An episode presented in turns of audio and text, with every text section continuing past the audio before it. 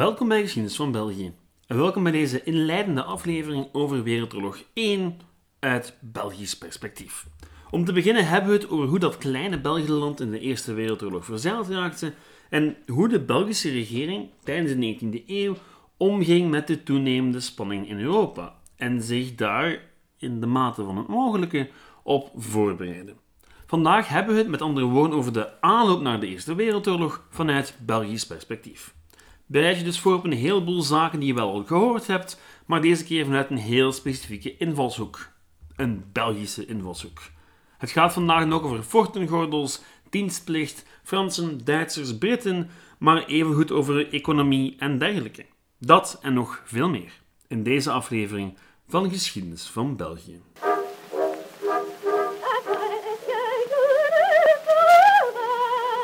Welkom terug. Ik ben terug van mijn ja, korte vakantiebreak. En voor de luisteraars van de vorige aflevering moet ik waarschijnlijk eventjes iets uitleggen. Want ja, we hebben het vandaag over Wereldoorlog 1, niet Wereldoorlog 2, zoals ik eerder aankondigde. Wereldoorlog 2 volgt nog zeker, maar mijn historisch geconditioneerde brein laat me nu eenmaal niet toe om Wereldoorlog 2 te behandelen zonder het eerst uitgebreid over Wereldoorlog 1 te hebben. Dus, uh, voilà. Ik zal er af en toe wel een iets lichtere aflevering tussen steken, maar ben wel van plan om Wereldoorlog 1 en Wereldoorlog 2 grondig aan te pakken de volgende maanden. We komen immers heel dicht bij aflevering 100 en ik zou heel graag ja, die toch twee heel belangrijke periodes in de Belgische geschiedenis afronden tegen aflevering 100. Oké, laten we aan de slag gaan. Al is het zoals zo vaak met dit soort onderwerpen de vraag waar je dan wel beginnen moet. Beginnen we bij het Duitse ultimatum aan koning Albert, toen België mee in die Eerste Wereldoorlog getrokken werd. Of misschien bij het Oostenrijkse ultimatum aan Servië. Of de Duitse carte blanche aan de Oostenrijkers. Of simpelweg het hele systeem van allianties dat in wisselwerking met nationalisme en industrialisatie de belangrijkste oorzaak van het hele conflict was. Wel, misschien moeten we gewoon beginnen bij het België van voor de oorlog. Want dat algemene verhaal, dat kent u waarschijnlijk al min of meer. En u kan het op zijn minst ook elders horen of lezen. Maar dit is nu eenmaal geschiedenis van België. En laat ons daar dan ook op focussen. Dan zal ik hier en daar wel de nodige achtergrondkennis meegeven. Laten we het hebben over België voor de oorlog. En ik ga het niet enkel hebben over België in de internationale politiek voor de oorlog. Nee, ook over hoe België in elkaar zat op politiek, economisch en sociaal vlak. Want al die dingen zouden mee gaan bepalen hoe België de Eerste Wereldoorlog door zou komen. Want wat ik vaak mis in geschiedenissen van België tijdens de Eerste Wereldoorlog is, ja, de geschiedenis van België tijdens de Eerste Wereldoorlog. Men heeft het vaak over het buitenland en over de ijzer, maar veel andere aspecten komen niet aan bod. En eigenlijk, ja, voor een heel groot deel van België ging het leven op de een of andere manier wel door tijdens de Eerste Wereldoorlog. En om te begrijpen hoe dat doorging en welke impact dat gaat hebben, wel, daar moeten we ook gaan kijken hoe het leven was in België voor die oorlog. Nu, laat mij dit verhaal aanvatten met een statement dat velen van u een beetje verrassen zal. België was een grootmacht. Een industriële grootmacht, een economische grootmacht, maar absoluut een grootmacht. In 1900 bokste België boven zijn gewicht. Nu, het was al een tijd ervoor begonnen en dat kwam door een heleboel factoren. De nabijheid bij Engeland, waar de industriële revolutie begon, de opening van de Schelde onder het Koninkrijk der Nederlanden en een heleboel initiatieven van Willem I. Oh ja, en um, steenkool. En verschillende manieren om die steenkool tot in de fabrieken te krijgen. Zij het via spoorwegen of over het water dat altijd aanwezig was. En het gevolg was dat de Belgische industrie moeiteloos kon opboksen tegen grotere buren. En dat het economisch België voor de wet ging. België was zelfs een van de belangrijkste, belangrijkste exporteurs van technologie in de wereld. Belgische bedrijven legden over de hele wereld tram- en spoorlijnen aan. Heel veel spoorwegen in China, die er nu nog liggen, werden voor het eerst aangelegd door Belgische bedrijven. In Egypte werden hele wijken uit de grond gestampt door Belgische ontwikkelaars. Dus economisch gezien ging het België dan ook voor de wind tot aan 1914, zij met de occasionele economische crisis. En in die tijd was Brussel dan ook een van de belangrijkste en levendigste steden van de wereld.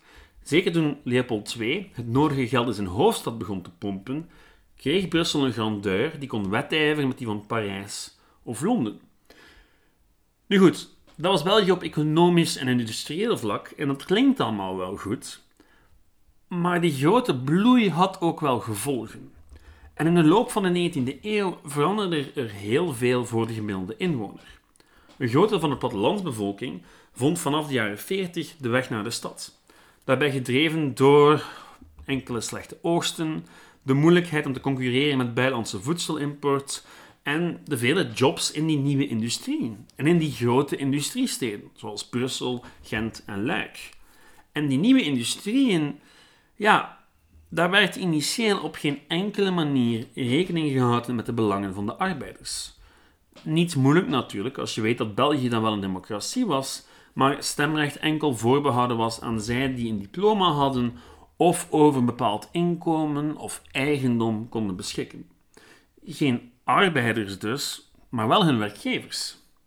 Vakbonden werden pas gelegaliseerd in 1866, maar vanaf dan werd het steeds moeilijker voor de regering om de arbeidersklasse te negeren. Zeker vanaf 1885, met de oprichting van de BWP, de Belgische Werkliedenpartij, oftewel de eerste socialistische partij. Nu, die partij die voerde decennia lang campagne voor het algemeen enkelvoudig stemrecht. Nu, eerste nuance, algemeen enkelvoudig stemrecht wel te verstaan. En onder de druk zou er langzaam maar zeker wetgeving volgen die de situatie aankaart. Te beginnen met de invoering van het meervoudig enkelvoudig stemrecht, waarbij elke man een stem had, maar rijken en hoogopgeleiden tot drie stemmen konden hebben. Dus ja, nog niet bepaald rechtvaardig te noemen, maar lieten socialisten wel toe om vanuit het parlement een rol te gaan spelen in het beleid. En aan het begin van de 20e eeuw werd er voor het eerst een vorm van sociale zekerheid en werkeloosheidsuitkering ingevoerd. Al was sociale vrede nog een heel groot woord. In 1913, één jaar voor de uitbraak van de oorlog, was er nog een grote algemene staking voor het algemeen stemrecht. En naast die grote sociale breuklijn was er natuurlijk ook het eeuwige gekibbel over de macht van de katholieke kerk. En over het onderwijs. Enzovoort en zo verder. Nu, tegen het uitbreken van de Eerste Wereldoorlog was er ook nog een derde breuklijn duidelijk geworden in de Belgische politiek. Eentje die relevant is gebleven tot de dag van vandaag, die van de taal. Nu, zoals ik al een eerdere aflevering uit de doeken deed, had het Vlaams nationalisme zich in de loop van de 19e eeuw ontwikkeld van een culturele beweging tot een politieke. Een politieke die taalrechten opeiste. Met resultaat. In 1898 werd het Nederlands erkend als volwaardig equivalent voor het Frans in de rechtspraak. Maar van volledige gelijkheid tussen de landstalen was er nog lang geen sprake. En dat zorgde voor heel wat frustratie zich tijdens de oorlog duidelijker dan ooit zou manifesteren. En wat er gebeurde met het Vlaams nationalisme tijdens de oorlog zou gevolgen hebben. Tot op de dag van vandaag. Want al zijn de meeste mensen zich wel bewust van de Vlaams-nationalistische collaboratie tijdens de Tweede Wereldoorlog, eigenlijk is die tijdens de Eerste Oorlog minstens even belangrijk. Ook al is ze veel minder bekend.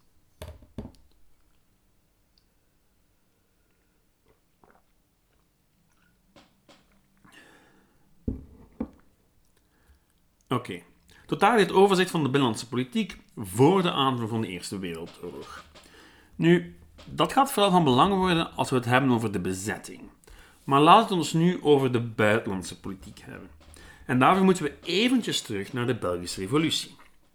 Want het ontstaan van België was toen een verrassing voor zowat iedereen, inclusief de Belgen. Over het hoe en waarom heb ik het al eerder gehad. Maar voor ons verhaal is het belangrijk om het nog maar eens over het Verdrag van Londen te hebben. Het Verdrag van Londen van 1839 om precies te zijn. Dat maakte de onafhankelijkheid van België eindelijk officieel met de erkenning van Nederland en het definitieve vastleggen van de grenzen. En de verplichte neutraliteit van België werd zwart op wit vastgelegd. En gegarandeerd door Groot-Brittannië en Pruisen. Nu, daar zat natuurlijk een hele sterke logica achter.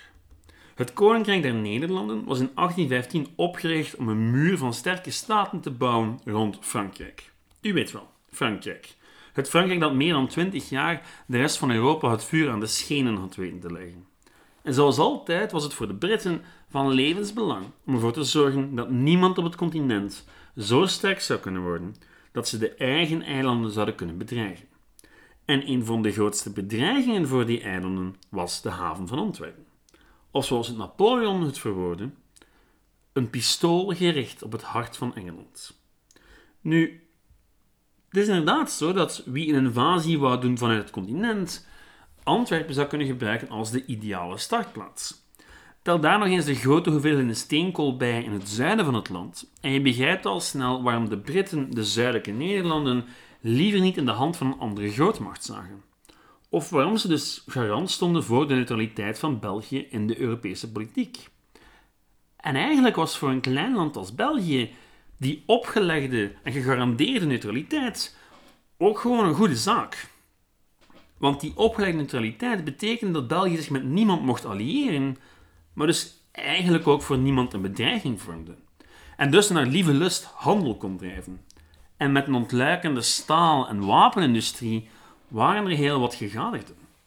Al was er wel één grote angst voor de Belgische regeringen van de 19e eeuw. Dat vroeg of laat een of andere Europese grootmacht het niet zou kunnen laten en dat het engagement van de Britten en de Pruisen vervolgens op de proef gesteld zouden worden. En wel, dat was een heel terechte angst. Want tijdens de 19e eeuw waren er altijd spanningen tussen de Fransen en de Duitsers. En de grote angst was dat bij een oorlog tussen beiden men wel eens de korte weg zou kunnen nemen naar de anderen. De korte weg door België. Dus ja, en dat bleek ook wel heel realistisch te zijn, want eind jaren 60 van de 19e eeuw brak bij Leopold II, toen koning, al eens het angstzweet uit. Het koninkrijk Pruisen was toen immers druk bezig om van Duitsland één land te maken. Je weet wel, één land met een eengemaakte overheid, een eengemaakt leger en zo verder. Iets wat buur Frankrijk terecht de nodige nervositeit bezorgde. Duitsland was immers al sinds de middeleeuwen verdeeld. En dat mag je redelijk letterlijk nemen. Duitsland was verdeeld over tientallen en bij momenten honderden aparte rijkjes, die nominaal dan wel onder de Duitse keizer vielen, maar in werkelijkheid vooral hun eigen ding deden. En die rijkjes die waren vreselijk divers. Zo had je bijvoorbeeld hele koninkrijken, zoals dat van Bohemen of Pruisen, maar evengoed onafhankelijke stadsrepubliekjes, zoals Lübeck, of prinsbisdommen, zoals Aken, Keulen en, jawel, Luik. Zowat de hele regio die we vandaag als Duitsland bestempelen, en nog een boel andere gebieden, vielen dus onder die keizer. Een keizer die vanaf de 15e eeuw bijna stevast tot het geslacht Habsburg behoorde, maar het altijd moeilijk had om zijn wil op te leggen. Want of het nu ging om godsdienstkwesties of wie op welke troon mocht gaan zitten, het Duitse keizerrijk lag met de regelmaat van een klok met zichzelf overhoop. In 1806 was het definitief gedaan met dat Heilig Roomse keizerrijk. Want, wel, er was niet helemaal een zekere Napoleon die er komaf mee maakte. En de Habsburgers gingen vanaf dan als keizers van Oostenrijk door het leven, maar van een Verenigd Duitsland was nog lang geen sprake. Goed, er kwam een reorganisatie na Waterloo en het aantal staatjes werd verminderd, maar Duitsland bleef volledig verdeeld. Iets wat voor veel meer inwoners van die staatjes een probleem was dan vroeger. Want elders in Europa was de nazistaat volop tot ontwikkeling aan het komen. Er waren echte landen aan het ontstaan zoals we die vandaag begrijpen. U weet wel, een centraal georganiseerde nazistaat met een eigen leger, beleid op vlak van onderwijs, landbouw en allerhande dingen. En last but not least een eengemaakt territorium waar vrij gehandeld kon worden. En dat was in Duitsland allemaal niet zo vanzelfsprekend. Er was wel een min of meer gemeenschappelijke cultuur, maar elke staat had nog zijn eigen grenswacht, zijn eigen importbelasting, zijn eigen beleid. Combineer dat nog eens met het ontluikende Duitse nationalisme En je snapt al snel waarom vele Duitsers naar een eengemaakte staat verlangden. Al die aparte staatjes leken voor velen achterhaald en, en primitief. Waarom zou Duitsland niet één land worden? Net zoals Italië of Frankrijk of Spanje of België. Nu, dat is natuurlijk niet zo eenvoudig als je als natie zo lang verdeeld bent geweest. Een poging van onderuit in 1848 strandde uiteindelijk en al vlug bleek dat de eenmaking van bovenaf zou moeten komen. Door de sterkste Duitse natie, de Pruisen. Hoe deden die Pruisen dat? Wel, de Pruisen hadden een kanselier genaamd Bismarck, die ja, wel iets afwist van realpolitiek. Zijnde heel pragmatische politiek, waarbij men een doel probeert te bereiken, zonder al te veel na te denken over de ethische gevolgen van de handelingen die nodig zullen zijn om dat doel te bereiken. En Bismarck, ja, die gebruikte vooral externe vijanden. Vijanden die de Duitse natie bedreigden. Achtereenvolgens Denemarken, Oostenrijk en Frankrijk. En het was vooral de oorlog met die laatste die de doorslag gaf. Na wat diplomatiek gepor en het vervalsen van een telegram, verklaarde Frankrijk uiteindelijk oorlog aan Pruisen. En dat bleek gigantisch te te zijn. De Fransen hadden zich laten meeslepen door hun nationalisme. De keizer Napoleon III hoopte dat hij door een oorlog de spanningen in zijn eigen land zou kunnen onderdrukken, maar de Pruisen bleken wel een stuk sterker te zijn.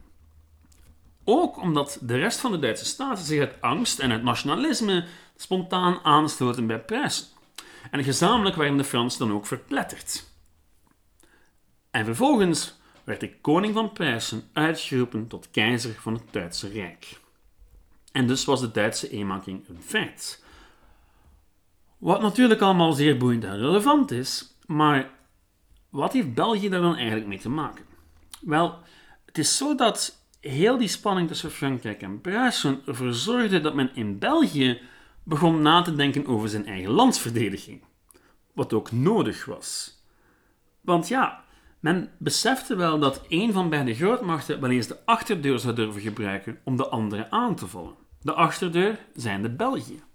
Want die Belgische grens die was niet bijster goed verdedigd en het Belgische leger stelde ook niet bijster veel voor. En in 1870 had, had daar, daar wel niemand gebruik van gemaakt. Het bezorgde België wel de nodige hoofdpijn.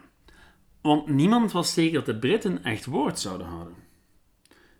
Het gevolg was dat er pogingen waren om zich zo goed mogelijk voor te bereiden op het eerstvolgende conflict tussen de grootmachten.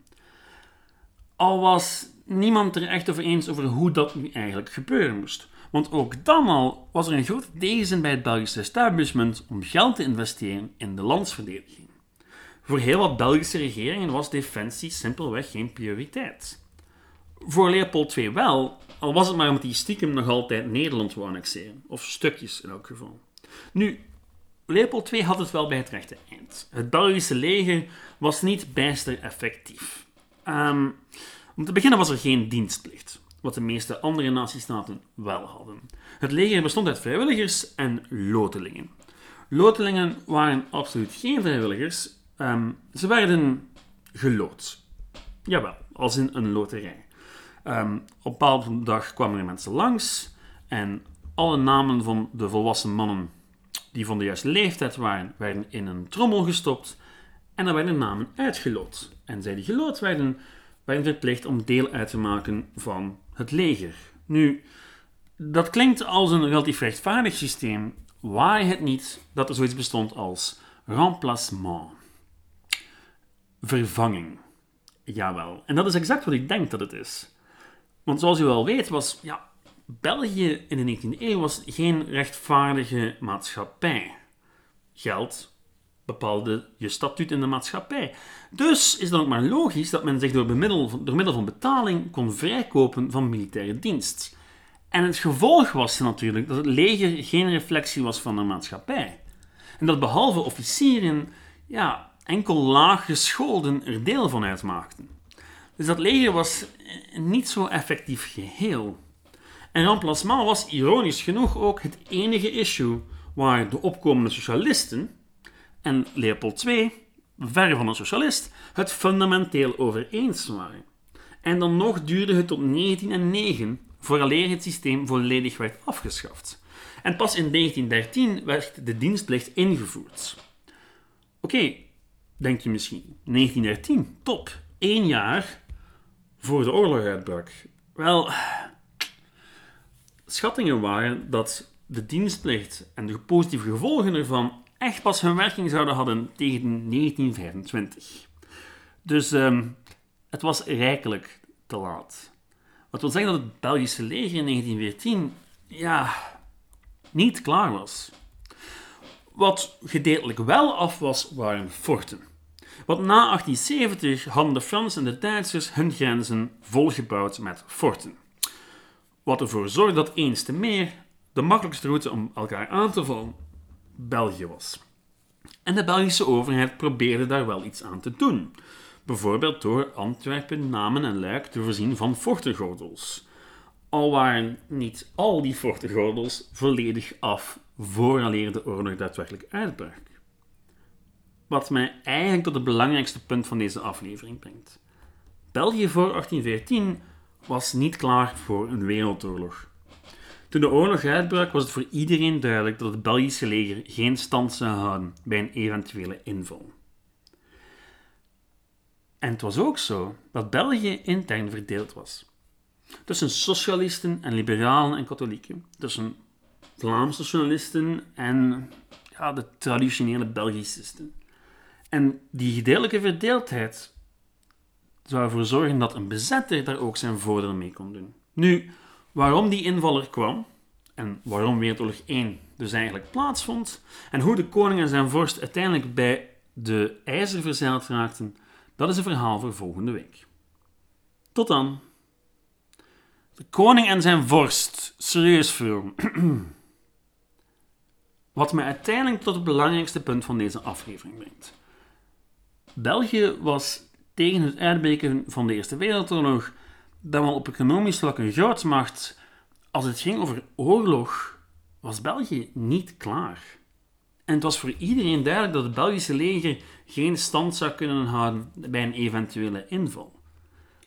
En eigenlijk was het ook duidelijk dat België geen echte maatschappelijke eenheid vormde. Er waren veel fricties, er waren veel stakingen. Er waren Vlaamse nationalisten die bepaalde eisen hadden, de socialisten die eisen hadden. En niemand wist eigenlijk hoe dat zou gaan lopen. Nu, waarom die invaller kwam en wat er daarna gebeurde, wel, dat is een verhaal voor volgende week. Tot dan, ciao!